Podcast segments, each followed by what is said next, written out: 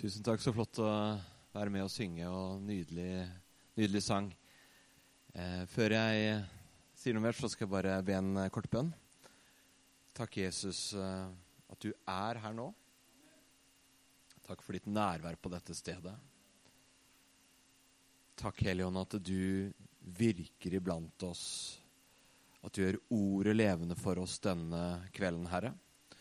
Uten deg, Helion, så er det bare ord, men når du kommer og blåser liv og gjør det levende, så er det som når Emmaus-vandrerne vandret med deg, Jesus, og de sier at eh, brant ikke våre hjerter i oss da han åpnet Skriften for oss. La oss få oppleve det, Helligånd, hvordan du åpner Skriften for oss.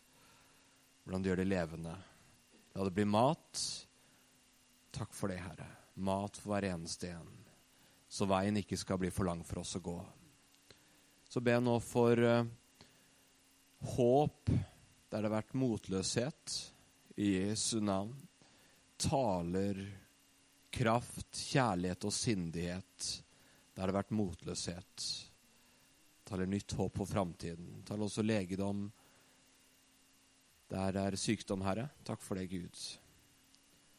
Takk for det venstre kneet som er eh, Hvor det er smerter. Takk for din legedom akkurat nå, Jesus. Takk for din legedom hos hver eneste en som har plager og sliter med ting. I Jesu navn. Amen. Det er en ære å være her i dag. og jeg har aldri vært her eh, i lokalene deres. Jeg har bare hørt mye godt om denne menigheten, og jeg har bare kjørt forbi uten å vite akkurat hvor det lå, men jeg fant ut på GPS-en i dag. Eh, men tusen takk, Niklas, og dere sammen, du og Kjersti, betyr mye for Maria og meg. Vi jo, har jo type skjebnefellesskap. Vi er også et ungt pastorpar i en menighet hvor de fleste er eldre enn oss. så, så det er det er, eh, det er, en fantastisk ære. Men, men, takk for den tilliten og at dere inviterer en predikant som, som er på den andre siden av Mjøsa. Så, så, det er hyggelig å sette pris på vennskapet. Mm. Så det er sjelden jeg får så tydelig beskjed om hva jeg skal preke om, som jeg gjorde her fra dere. Eh, i ukene før påske så har de her eh, hos dere satt fokus på de tingene Jesus sa på korset. Eh, når han var på det mest laveste i livet og det mest smertefulle i livet. Eh, og hva disse ordene betyr og kan bety for oss. Og Noen av disse ordene er de mest kjente ordene Jesus sa i, hele, i løpet av sitt liv. Og det ordet jeg har fått i dag, er 'jeg tørster'. Jeg tørster.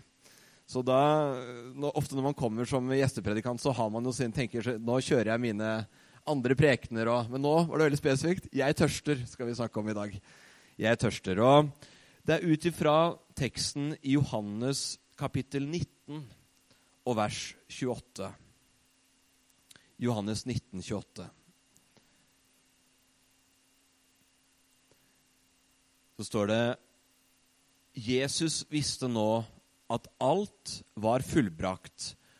Og for at Skriften skulle bli oppfylt, sa han, 'Jeg tørster'. Det sto et kar der med vineddik. De fylte en svamp med den satte svampen på en isoppstilk og holdt den opp til munnen hans. Da Jesus hadde fått vineddiken, sa han, 'Det er fullbrakt'. Så bøyde han hodet og utåndet. Og det, det, første punktet jeg har her i kveld, er Jesus stedfortredende tørst. Jesus stedfortredende tørst. Fordi det som Jesus sier her når han sier 'jeg tørster', så er det et uttrykk for den smerten han har, for den menneskelige svakheten. For han var jo 100 menneske, 100 Gud. Den lidelsen han gjennomgår på korset. For hvem? For oss for meg og deg. Den enorme kjærligheten som han har for oss. Og, og, det er jo for å oppfylle som det står, for å oppfylle Skriften. I Salme 22, 16, dere kan bare lytte, så står det Munnen er tørr som et potteskår. Tungen er klistret til ganen. Du legger meg ned i dødens støv. Og som jeg har hørt forstått, så har eh, Niklas også gått gjennom Salme 22, hvor nøyaktig den profeterer om Jesus på korset. Mine hender og føtter er gjennomboret. Det er veldig konkret. Og her også munnen er tørr som et potteskår. Det er en enorm, eh, enorm lidelse på alle plan som viser Jesu dype smerte. Og så er det også dette med, med at de gir han eddik. Fra Salme 69, 21. Dere kan jo høre på det. Spott har knust mitt hjerte. Det kan ikke leges. Forgjeves håpet jeg på medynk. Jeg fant ingen som kunne trøste. De ga meg gift i maten. Da jeg var tørst, fikk jeg eddik å drikke. Det er også profeterer om Jesus. De ga han eddik å drikke. Um, og Jesus visste jo at han kom til å dø. Og dette var jo, lå jo og ventet på han hele tiden. Og det var en, en fristelse å skulle gå utenom denne lidelsen. Men Jesus valgte å gå hele veien. Eh, Jesus sier det til Peter når, tar, når, Peter tar i egen kraft og skal eh, ta denne tjenerens eh, måte, og, og, bruke sverdet mot denne tjeneren. Og, og, han gjør det faktisk og kutter av øret. Han, litt, eh, han har ikke vært så mye på søndagsskolen, kanskje, Peter. men Jesus sier, 'Stikk sverdet i sliren.' Skulle jeg ikke tømme det begeret min far har gitt meg? Det vil si, tørsten Jesus har etter å fullføre Faderens vilje, var det nettopp å frelse oss. Det vil si, kjærligheten til oss er sterkere enn hans egen tørst for eget liv. Tenk på det. Han kunne bare vært i himmelen i sin herlighet, men han valgte å henge der og tørste på korset. Fordi tørsten etter fars vilje og etter vår frelse var sterkere enn hans menneskelige tørst. Er ikke det fantastisk? Hva gjør det med oss? Jeg bare blir fylt med en takknemlighet til Jesus. Takk, Jesus, hva min frelse kostet har. Hva du har gjort for meg. Hva du har betalt for meg for at jeg skulle få frelsen. For at jeg skulle få det evige livet. Hvilken fantastisk frelser vi har. Som ikke stoppet. Han kunne stoppet og sagt ja, jeg har gjort, gjort nok for menneskeheten nå men han gikk hele veien. Til det aller nederste, til å bli ydmyket. Det som skjer, som vi hører om, er at det er en isopstilk som blir løftet opp. Eh, og det ordet som brukes, eh, som brukes, på det greske språket her, er hysopo. Har dere lest mye om hysopo? Hysopo, det hvis man leser eh, Gammeltestamentet på den greske oversettelsen av Gammeltestamentet, som heter Septuaginta, som er skrevet 250 år, eller oversatt 250 år før, før Kristus, så brukes des, dette ordet hysopo, altså isop, det brukes om påskefeiringen. Når påskelammet har blitt slaktet. Og hva gjør de da? Så, så, så, så instruerer Gud Moses. Han sier i, dere kan lytte, i andre Mosebok 12, 22 så sier, eh, sier Gud så skal dere ta en isoppkvast, dyppe den i blodet i skålen og stryke noe av blå, blodet fra skålen på bjelken over døren og på de to dørstolpene. Ingen av dere må gå ut gjennom døren til huset sitt før om morgenen, for Herren skal dra gjennom landet for å slå egypterne. Og når han ser blodet på bjelken, og de to dørstolpene skal han gå forbi døren. Dette, hvilket blod er dette? Det er blodet til påskelammet. Som de stryker over døra. Og da sier Gud, da skal dommen gå forbi. De skal, dere skal ikke bli rammet av dommen, fordi blodet beskytter. Så påskelammet er jo både at eh, det er Jesus stedfortredende død, som, eh, som Johannes døperen sier. Se der Guds lam som bærer verdens synd. Blodet har tatt bort all vår skyld og skam en gang for alle. Men så er det også dette blodet beskytter oss. Jesu blod beskytter oss mot det djevelen prøver å komme med. Mot, mot både den evige dommen, men også mot ting som prøver seg. Det er kraft i Jesu blod. Det er en enorm kraft i hans blod. Så alt dette er Jesus stedfortredende død, hva han tilveiebrakte for oss på korset. Og er det ikke godt? Det er ingenting vi kan legge til, folkens. Ingenting. Uansett hvor prektig jeg er, uansett hvor flink jeg er, uansett hvor mange år jeg har vært på møte Ingenting kan jeg legge til eller trekke fra hans frelse. Og det er mange ganger jeg har eh, Eller ikke mange ganger, men noen ganger har jeg møtt eldre mennesker. De har vært frelst hele livet, men de lurer på er, kommer jeg til himmelen. De er usikre. Skal jeg si dere én ting? Er det noe som holder, så er det Jesu blod. Er det noe som holder, så er det hans frelsesverk. Er det noe vi kan sette hele vår lit til, så er det at den straffen, den døden, den tørsten han hadde på korset, det var nok. Ingenting kan jeg legge til. Ingenting kan jeg trekke fra. Hvem er jeg som kan gjøre det? Det er helt umulig. Vi er helt avhengige av denne nåden som ble gitt oss på Golgata kors. Uansett om du har syndet tusen ganger eller én gang. Like mye nåde trenger vi, for det er like stort et lovbrudd. Det er en skyld som må betales, og den har han betalt. Det var en gang eh, vi var og spiste pizza i Oslo. Eh, og, så, og, så, kommer det en, eh, en uh, fyr inn. Jeg kjenner han ikke. Han bare kommer inn og sier hei og snakker. Han kjente noen av de som satt der rundt bordet. Og så, og så, og så går han igjen før, vi, før pizzaen er kommet. Eh, vi har bare rukket å bestille. Og så er vi ferdige å spise, og så skal vi til å betale. Og så sier eh, han kelneren som kommer til oss til bordet, så sier han regningen er betalt. Hæ? Regningen? Eh, vi vil gjerne betale for oss. Nei. Han som var på besøk her i stad, han har betalt regningen. Han så bestillingen og, og sa jeg betaler alt sammen. Og, og, da kommer det litt sånn i oss Da kjente vi litt sånn på Vi vil bidra, vi også. Jeg vil også gjøre noe. ikke sant? Og bare, Hvorfor gjorde han det? Liksom, man følte litt sånn man følte seg litt brydd. Fordi hvem er det som gjør en sånn ting? Alt bare betal Han spiste ikke engang selv. Han bare betalte for oss. Så det vi gjorde, vi hadde ett minutts stillhet til ære for han, eh, han gode fyren som var innom der. Eh, og sånn er det også med det Jesus gjorde. Det eneste vi kan gjøre, det eneste han ønsker fra oss, er at vi kommer tilbake sånn som denne spedalske mannen som ble helbredet, og takker. Og sier 'Takk, Jesus'. Takk, Jesus. Og dere som er så bra, ikke bare i påsken, men hele året. Takke Jesus for hans frelsesverk, for hans tørst på korset, for at jeg skulle få det evige livet. Eh, og eh, Det står om å ikke miste sin første kjærlighet til Jesus.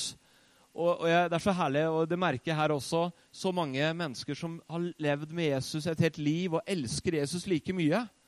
Hva er hemmeligheten? Det er å aldri bli, eh, bli apatiske, det aldri bli å ta det for gitt det offer han gjorde på Golgata kors. Alltid eh, tenke og grunne og meditere på hva Jesus har gjort for meg. Og Hver gang jeg gjør det, så bare kjenner jeg kjærligheten til Jesus blomster opp på ny. Selv om jeg har takket han tusen ganger, så står det det. Hva er det vi skal gjøre i all evighet? Vi skal synge en sang til lammet og ære han og si 'Verdig er du, lammet, som ble slaktet', til å motta vår pris og ære og takk fordi du kjøpte deg fri, kjøpte deg et folk fra alle tungemål, fra alle stammer. Det er det bruden skal synge. Det er det kirken og menigheten han har forløst, skal synge. Verdig er du, landet, fordi at du har ofret ditt liv. Verdig er du til å motta vår pris.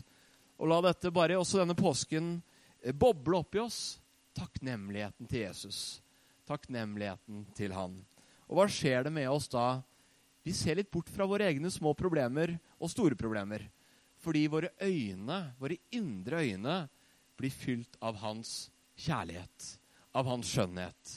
Det handler ikke om hva vi har gjort, men at han har elsket oss først. Er det ikke herlig? Det kalles evangeliet, folkens. De gode nyhetene.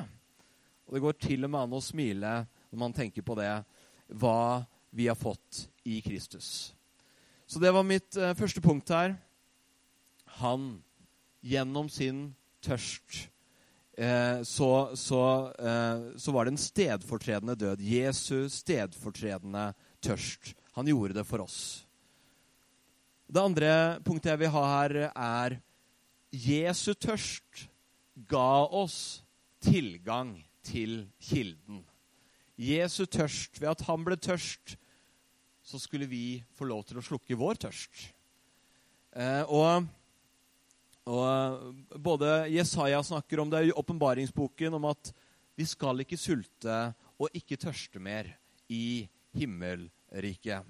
Eh, men også her på jorda så snakker Jesus om han, I Johannes 7 så står det at Jesus eh, på den siste dag i høytiden, på den store festdagen, sto han fram og ropte, står det. Han hevet stemmen sin bitte litt. Eh, så står det Den som tørster, skal komme til meg og drikke. Den som tror på meg, fra hans indre skal det piple fram litt vann? Nei. Skal det, som Skriften sier, renne elver, elver av levende vann? Dette sa han om ånden de som trodde på ham, skulle få.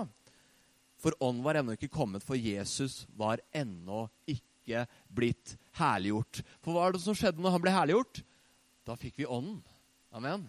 Da kom Den hellige ånd på pinsedagen. og også Jesus profeterer jo ved en profetisk handling og, og puster på disiplene og sier 'motta Den hellige ånd'. Der er det en kilde. En kilde med levende vann som veller fram til evig liv. Og hvis det blir litt tørt i det kristne livet, så, så er den faktisk den kilden, som eh, Frank Mang sa, den er montert inn på innsiden. Den er innebygd. Og det er gratis påfyll, folkens. Det er ubegrenset hvor mye vi kan drikke av denne kilden. Det bare bobler fram. Eh, og, og, jo mer vi bare bruker tid med den treende Gud, og bare kjenner at Den hellige ånd fyller oss opp igjen, så får vi kjenne det er ny kraft, ny styrke for enhver oppgave, for enhver utfordring. For det er elver av levende vann som kommer til oss som tørster fordi vi skal nettopp ikke trenge å tørste på den måten.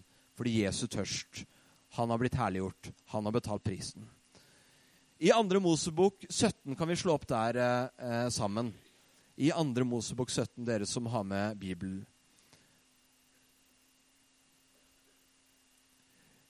Niklas, eh, jeg tørster litt her. Har du litt vann? Flott. Tusen takk. I 2. Mosebok 17 så står det der fra vers 1. På Herrens befaling brøt hele Israels menighet opp fra sin ørken og dro videre fra sted til sted. De slo leir i Refidim, men der fantes det ikke vann, så folket kunne få drikke. Folket trettet med Moses og sa, 'Gi oss vann, så vi får drikke.' Moses svarte, 'Hvorfor tretter dere med meg?' Ganger, han var en skikkelig pastor. 'Hvorfor tretter dere med meg?' sier han. 'Hvorfor setter dere Herren på prøve?' Men folket tørstet etter vann. De klaget til Moses og sa, 'Hvorfor har du ført oss opp fra Egypt?' 'Vil du at vi og barna våre og buskapen vår skal dø av tørst?' Da ropte Moses til Herren og sa, 'Hva skal jeg gjøre med dette folket?' 'Snart steiner de meg', sier han. Håper ikke det er sånn du opplever det å være pastor, Niklas. Det er det garantert ikke.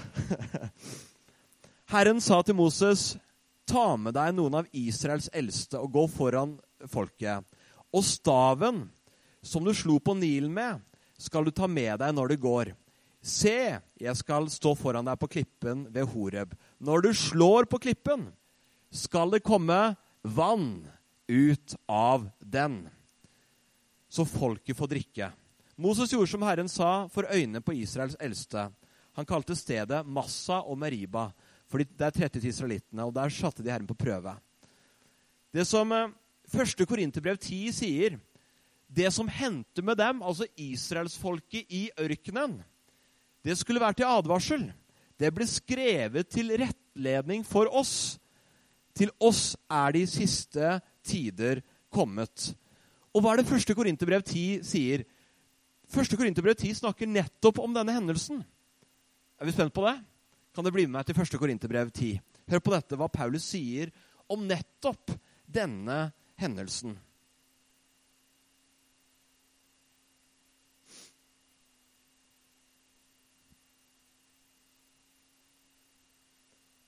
Så står det i 1. Korinterbrev kapittel 10 og vers 1. Jeg vil at dere skal vite, søsken, Våre fedre i ørkenen var alle under skyen, og alle gikk de gjennom havet. Alle ble døpt til Moses i skyen og i havet, og alle spiste i den samme åndelige mat og drakk den samme åndelige drikk. For de drakk av den åndelige klippe som fulgte dem, og denne klippen var Kristus. Hva er det som skjer her? Moses, hva er det han slår på? Han slår på klippen. Han slår på klippen. Paulus sier her klippen er Kristus. Han ble slått. Hvorfor det? For at det skulle komme vann. For at det skulle komme vann. Og hva er det? Er det, er det loven? Er det lovens tavler? Nei, det er åndens vann. Det er åndens liv. Det er livet i ånden som kommer nettopp fordi han ble slått for oss. Så kommer det en kilde med vann. Men det som skjer senere, i Kadesh, hvis vi leser i 4. Mosebok, vi trenger ikke slå opp der, da sier Gud igjen til Moses, 'Nå skal du tale til klippen.' Skal tale. Hva gjør Moses? Han slår. Han var litt ulydig akkurat der. Og Gud var nådig, og det kom vann likevel. Men hvorfor sier Gud Han, han er ganske, eh, ganske streng. Eh, men han, eh, han får, en, får en konsekvens for Moses fordi han er ulydig. Hvorfor er det så alvorlig for Gud, dette? Fordi nettopp nå har klippen blitt slått på. Så nå holder det å tale. Nå holder det å tale. Og, og det å slå på, det, det handler jo om at det er jo gjerningsorientert. Men nå nå skulle Moses tale til klippen, og det skulle komme vann. Og det er vårt liv, folkens. Amen. Det er ikke basert på gjerninger. Fikk dere ånd ved gjerninger, spør Paulus. Nei. Nei. Det er åndens verk. Amen. Så alt i det kristne livet, dette levende vannet, har ikke vi fortjent. Men det kommer ved tro. Så får vi drikke av dette vannet uten gjerninger. Ikke fordi vi er så flinke, men fordi han er så flink. Fordi klippen har blitt slått for oss en gang for alle. Kan vi tale til dette levende vannet? Vi kan tale 'Kom'. Jeg drikker nå av dette levende vannet, kan vi si. Og så kjenner vi det veller fram i vårt indre. Ikke pga. oss, men pga. klippen har blitt slått en gang for alle. Er det ikke godt? Det er hvile fra eget strev. Det er hvile fra å skulle prestere selv. Isteden så er det en kilde som veller fram helt uforskyldt i vårt indre. Og hva er det tro handler om? Det står at Jesus er troens opphavsmann og fullender. Hvor i det regnestykket kommer vi inn? Det er både han som gir oss tro, og han som fullender troen. Det eneste vi kan gjøre, er å ta imot. Det er ikke godt? Det er ikke sånn prestasjon 'Å, jeg tror, jeg tror' prøver å gå, Det var en sånn, så, dame som skulle prøve å gå på vannet. Jeg, jeg, tror, jeg tror, og så gikk hun rett gjennom. Var det ikke det jeg trodde? Ikke sant? Det blir veldig, veldig krampaktig. Isteden kan vi si, 'Jesus, du tror for meg, du.' Jeg bare tar imot din tro, din type tro. Jeg bare tar imot, Du er troens opphavsmann, og så får jeg drikke i tro av dette levende vannet som du har tilveiebrakt for meg. Fantastisk. En som heter eh, Peter Halldorf, han sier det på den måten. Når tilliten med tiden øker, minsker våre fakter. Troen svinger ikke staven, for den har ingenting å bevise. Når sjelen stilner i Gud, ser vi at vi ikke trenger å bane oss utålmodig vei til Guds velsignelse. I det øyeblikk vi stoler på Gud og tror at Han er den Han er, har vi alt vi trenger har vi alt vi trenger. Og det er nettopp det Jesus sier. Den som drikker av dette vannet, blir tørst igjen. Han snakker til denne kvinnen ved brønnen. Du blir tørst igjen hvis du drikker dette vannet. Dette vannet her. Tusen takk, Niklas. Jeg blir tørst igjen av det vannet, for det er menneskelig. Men det vannet, sier, sier Jesus, men den som drikker av det vannet jeg vil gi, skal aldri mere tørste. For det vannet jeg vil gi, blir i han en kilde med vann som veller fram og gir evig liv. Det som vi ofte, som vi ofte gjør eh, Er det noen som har vært på fjelltur noen gang? Opp på fjellet. Ja, det er flott. To stykker. Flott. Eh, og når eh, Jeg elsker å gå i Rondane. Det er helt nydelig. Eh, og så elsker jeg når man kommer til sånne fjellbekker med sånn eh, rent, klart kaldt kildevann. Men tenk deg det, at du kommer til en sånn fjellbekk, og så drikker du litt, og så sier du 'det var veldig godt', sier du. Og så ligger det en sånn derre myr like ved. Og så tenker du 'nå har jeg drukket nok av denne kilden'. Uh, og i denne myren så, så, ligger det en død sau og flyter, og det er litt av hvert. Det er veldig sånn, Men det er jo noe væske der. ikke sant? Det er jo litt flytende. Så du tenker nå har jeg iallfall drukket litt av kilden. Nå tar jeg litt myrvann. Og resten av den dagen drikker du av det myrvannet. Er det en dårlig deal? Ja. Men ofte så gjør vi det som kristne. Vi bruker litt tid i Bibelen om morgenen og litt tid hvor vi ber litt. Og, så, så, og det vi gjør da, vi drikker av kilden. Og så tenker vi resten av dagen nå kan jeg ta litt gjørmevann resten av dagen. For nå har jeg i hvert fall eh, drukket litt av kilden. Eh, det som er tingen da, er at det er så mye trøst og glede og fred vi går glipp av. Fordi vi nettopp velger gjørmevannet. Vi velger andre kilder. Vi velger de sprukne brønnene. Og så har den, den hellige ånd ønsker faktisk å ha fellesskap med oss hele dagen. Jesus ønsker, han banker på og sier til en kristen faktisk, en kristen menighet og sier jeg står for døren og banker. Om noen åpner døra, vil jeg gjerne komme inn og ha fellesskap. Så det er et fellesskap som er kontinuerlig, som Gud vil ha med oss hele tiden. Mens vi gjør alt vi andre vi gjør, så er det som en stille sang.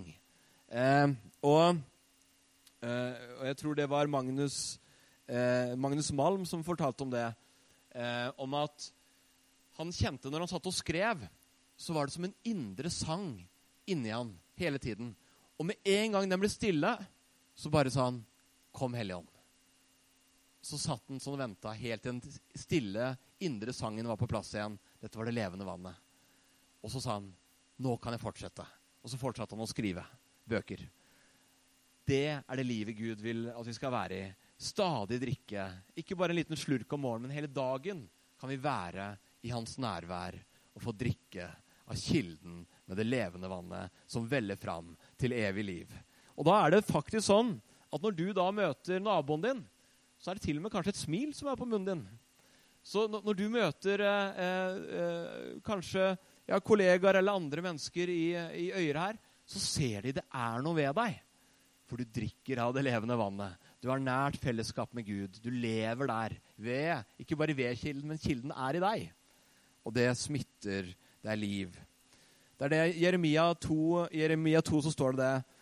To ting har mitt folk gjort. De har forlatt meg, kilden med levende vann, og hugget seg brønner, sprukne brønner som ikke holder vann. Det første de gjør, er altså å forlate kilden. Og så begynner man med brønner og trøstespising og alt mulig. ikke sant? Eh, og det er det, det er ofte når vi er slitne. Slitne, så søker vi trøst forskjellige steder. Slitne eller på en måte det er mye press. Så kan man sette seg ned og mange ganger øh, så jeg innrømmer det selv, setter meg ned foran TV-en og tenker nå, nå må jeg bare slappe litt av. Og, og, også der så, kan, så merker jeg etter en stund så blir jeg bare, bare mer sliten av å se på den TV-en. Men hvis jeg da velger å si når jeg bare fyller meg litt med ordet, når jeg bare drikker litt av dette levende vannet, så kjenner jeg jeg blir mye mer oppmuntra. Jeg kjenner meg mye bedre etterpå enn hvis jeg bare søker alle andre kilder. Og Det er ikke noe galt å ha hobbyer. Det er ikke noe galt å koble av med ting. Men det er galt hvis det er det som er vår kilde i livet. For det er noe mye bedre som venter oss når vi søker hans kilde. Eh, og, og da er det ikke sånn at 'Å nei, nå må jeg ikke synde'. Det er sånn når vi drikker denne kilden, så får vi ikke lyst på synde. Når vi drikker, når vi er etter livet, så er det sånn at det er bare et overflodsliv som gjør at jeg har ikke lyst til å gå bort og, og snakke stygt om eh, naboen. Jeg har ikke lyst til å baksnakke, jeg har ikke lyst til å gjøre de tingene. Fordi jeg, jeg har en glede på innsiden som gjør at det, det er ikke så veldig fristende akkurat i myrvannet akkurat der og da. Eh, en som het Efraim Syrer. Eh, han skrev sanger på 300-tallet. Han, han skriver, eh, skrev Forsøk derfor ikke med en eneste drikk å tømme det som ikke kan tømmes på denne måten. Og avstå ikke av lettvittighet for det som du etter hvert kan ta imot. Kilden bør beseire din tørst, ikke din tørst kilden. Det er altså kilden som er sterkere enn vår tørst. Hvis, eh, har, vi har to sønner. Eh, en som heter Philip, 20 eh, måneder gammel, og, og, og Theodor på fire år. Hvis han, Philip driver med peisen, han er veldig glad i å drive i peisen, så har jeg to muligheter, to pedagogiske muligheter for å få han til å slutte å, å drive med peisen. Det ene Jeg kan bli veldig sint og si 'det får du ikke lov til', og han begynner å gråte. Det er en veldig dårlig deal. Eller jeg kan komme med en mer spennende leke og gi han den. Og da, garantert, så går han bort fra peisen. Og det er nettopp det Paulus sier. Han er utrolig smart, Paulus, for han gjør dette i Den hellige ånds visdom. Så sier han, 'Drikk dere ikke fulle av vin', sier han. For det fører bare til utskeielser. Bli heller fylt av Ånden. Det vil si, denne tørsten, eh, den, den, eh, den tørsten, den skal vi på en måte ikke eh, Det er ikke den vi skal kjempe mot. Vi skal heller si Hellige Ånd, jeg vil heller drikke av deg. Drikke av din kilde. Da er det en mye spennende, mer spennende leke enn den peisen.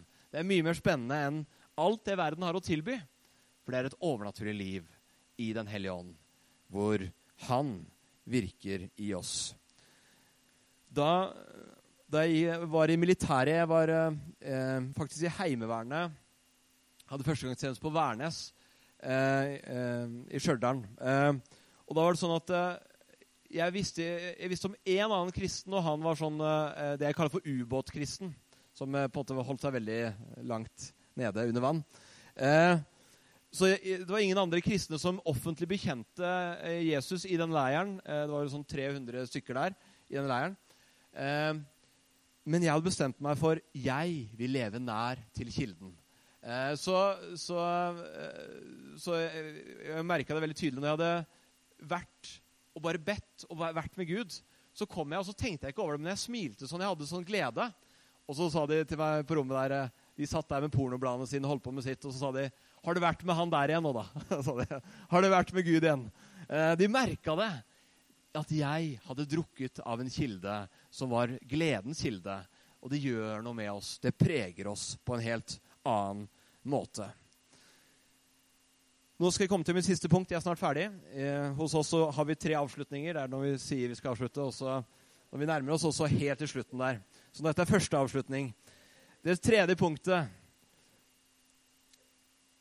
nå tørster vi etter rettferdighet. Altså Det første var at uh, Jesu stedfortredende tørst Vi skal aldri trenge å tørste på den måten fordi han har tatt og betalt prisen for oss. Denne tørsten det var punkt nummer to, den fører til at vi får drikke av kilden. Og nummer tre det vi tørster etter nå, er rettferdighet. Og, og da er det ikke den rettferdigheten som Jesus har tilveiebrakt når det gjelder vår frelse, men det er det som Jesus sier i Matteus 5, kapittel 5 og 6, vers 6. Salige er de som hungrer og tørster etter rettferdigheten, for de skal mettes. Og det handler om en hellig tørst, en hellig utilfredsstillelse om, om, som sier på den måten at Gud, måtte ditt rike komme. Måtte din vilje skje her på jorda Måtte ditt rike komme her i øyer. Amen. Måtte mennesker i dette området bli kjent med deg, Jesus. Det er en hellig tørst som vi fortsatt får lov å ha. Det er en hellig tørst som han vekker i oss ved sin ånd. En som het sir Francis Drake. Har du hørt om han? Han skrev I 1577 så skrev han dette på Facebook. Hør på dette. Han skriver Forstyrr oss, Herre, når vi er tilfreds med oss selv, når våre drømmers mål er nådd fordi vi drømte for smått, når vi kom trygt i havn fordi vi seilte for nært opp til land. Vekk oss, Herre, når vi midt i alt vi eier av jordisk gods, har mistet vår tørst etter det levende vannet.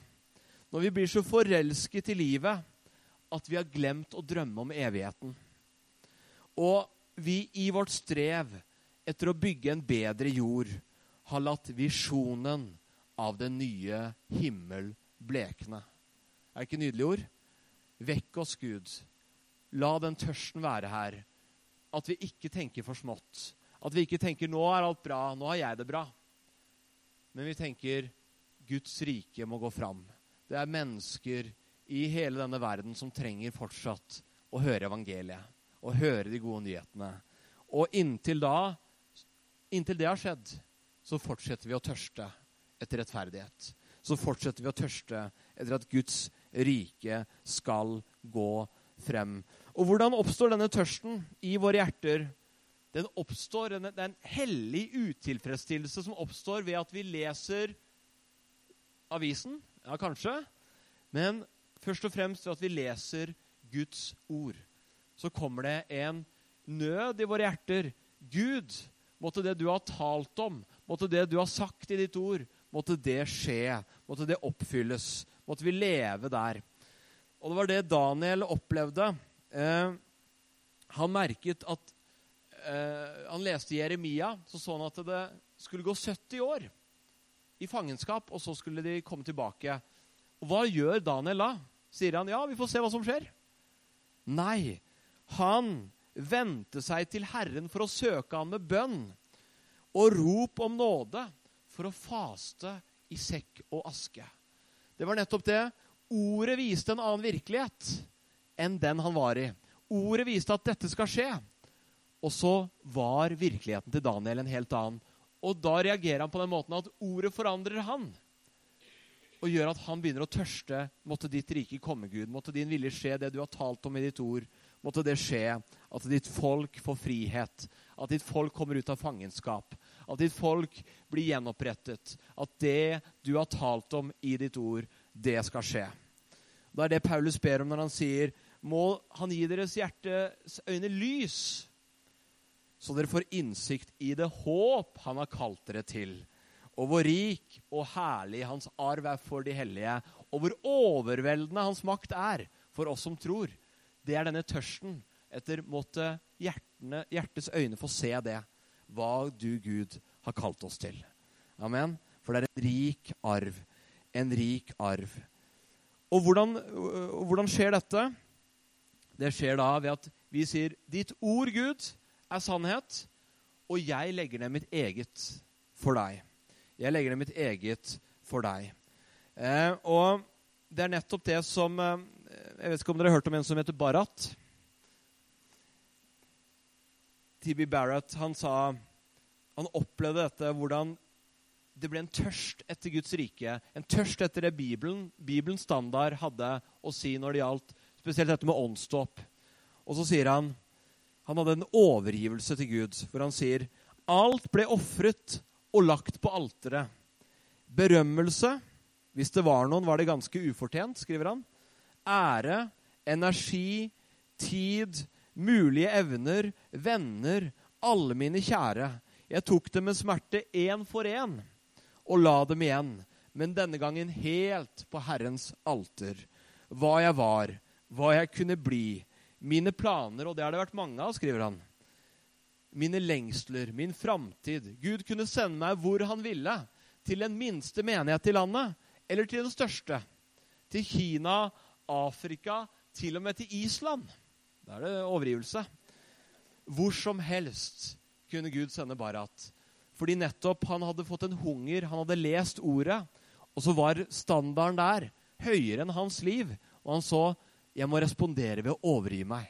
Og bare gi alt til Gud og si, 'Gud, hva du vil, måtte det skje meg.' Det var en hellig tørst i hans indre. Måtte ditt rike få virke gjennom meg. Og det er det nettopp det Nehemia også opplever. Det er det jeg skal avslutte med her.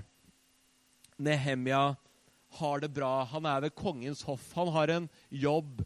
Alt ser bra ut for Nehemia. Men så hører han ryktet. Han hører et rykte. Hør på hva de sier til han i Nehemia kapittel 1 og vers 3. De svarte Han spør altså hvordan går det i Jerusalem. Hva, hva skjer i Jerusalem? De som har sluppet unna fangenskapet der i provinsen, er i stor ulykke og vanære. Muren rundt Jerusalem er brutt ned, og portene er brent opp. Og hør på denne responsen. Og dette er den responsen jeg tror Gud vil. Denne tørsten, denne responsen han vil ha fra oss når vi ser at ting er ikke som det skal være i landet vårt. Ting er ikke som det skal være her i Øyer, i Hamar, der vi er. Hør på denne responsen. Da jeg hørte dette, satte jeg meg ned og gråt. Jeg sørget i flere dager. Jeg fastet og ba til himmelens Gud. Jeg sa, Å Herre, himmelens Gud, du store og skremmende Gud, som holder pakten og viser kjærlighet mot alle som elsker deg og holder dine bud. La ditt øre lytte og øynene dine være åpne, så du hører din tjeners bønn, som jeg ber til deg nå, både natt og dag, for israelittene dine tjenere. Jeg bekjenner syndene som vi israelittene har gjort mot deg, også jeg og mitt fars hus har syndet. Og så er det en overgivelse. Så ber han Gud Måtte det ikke være sånn at Jerusalems murer er nedrevet. Måtte det ikke være sånn at Guds rike eh, stopper opp. At ikke mennesker, nye mennesker kommer til og kommer til tro i øyer, i bygdene våre, i tettstedene våre. Måtte vi se ditt rike Gud gå fram. Måtte det være en tørst etter rettferdighet. En tørst etter at Hans rike skal gå fram. Nettopp fordi at han tørstet på korset, så tørster vi etter at det verket han fullførte, det skal bli tilgjengelig. Og tilgjengelig for alle mennesker. Fordi det er nettopp for alle mennesker han ga sitt liv. Tilveiebrakt et verk en gang for alle. For at alle i øyer skal bli frelst. Amen.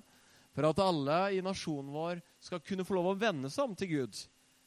Og det tørster vi etter. At de skal se vår Jesus. Se hans herlighet. At hans rike skal gå fram. At hans vilje skal skje. At vi skal se et enda større gjennombrudd for tegn, under og mirakler. At vi skal se at de vi ber for, de kommer tilbake til troen. Barn og barnebarn.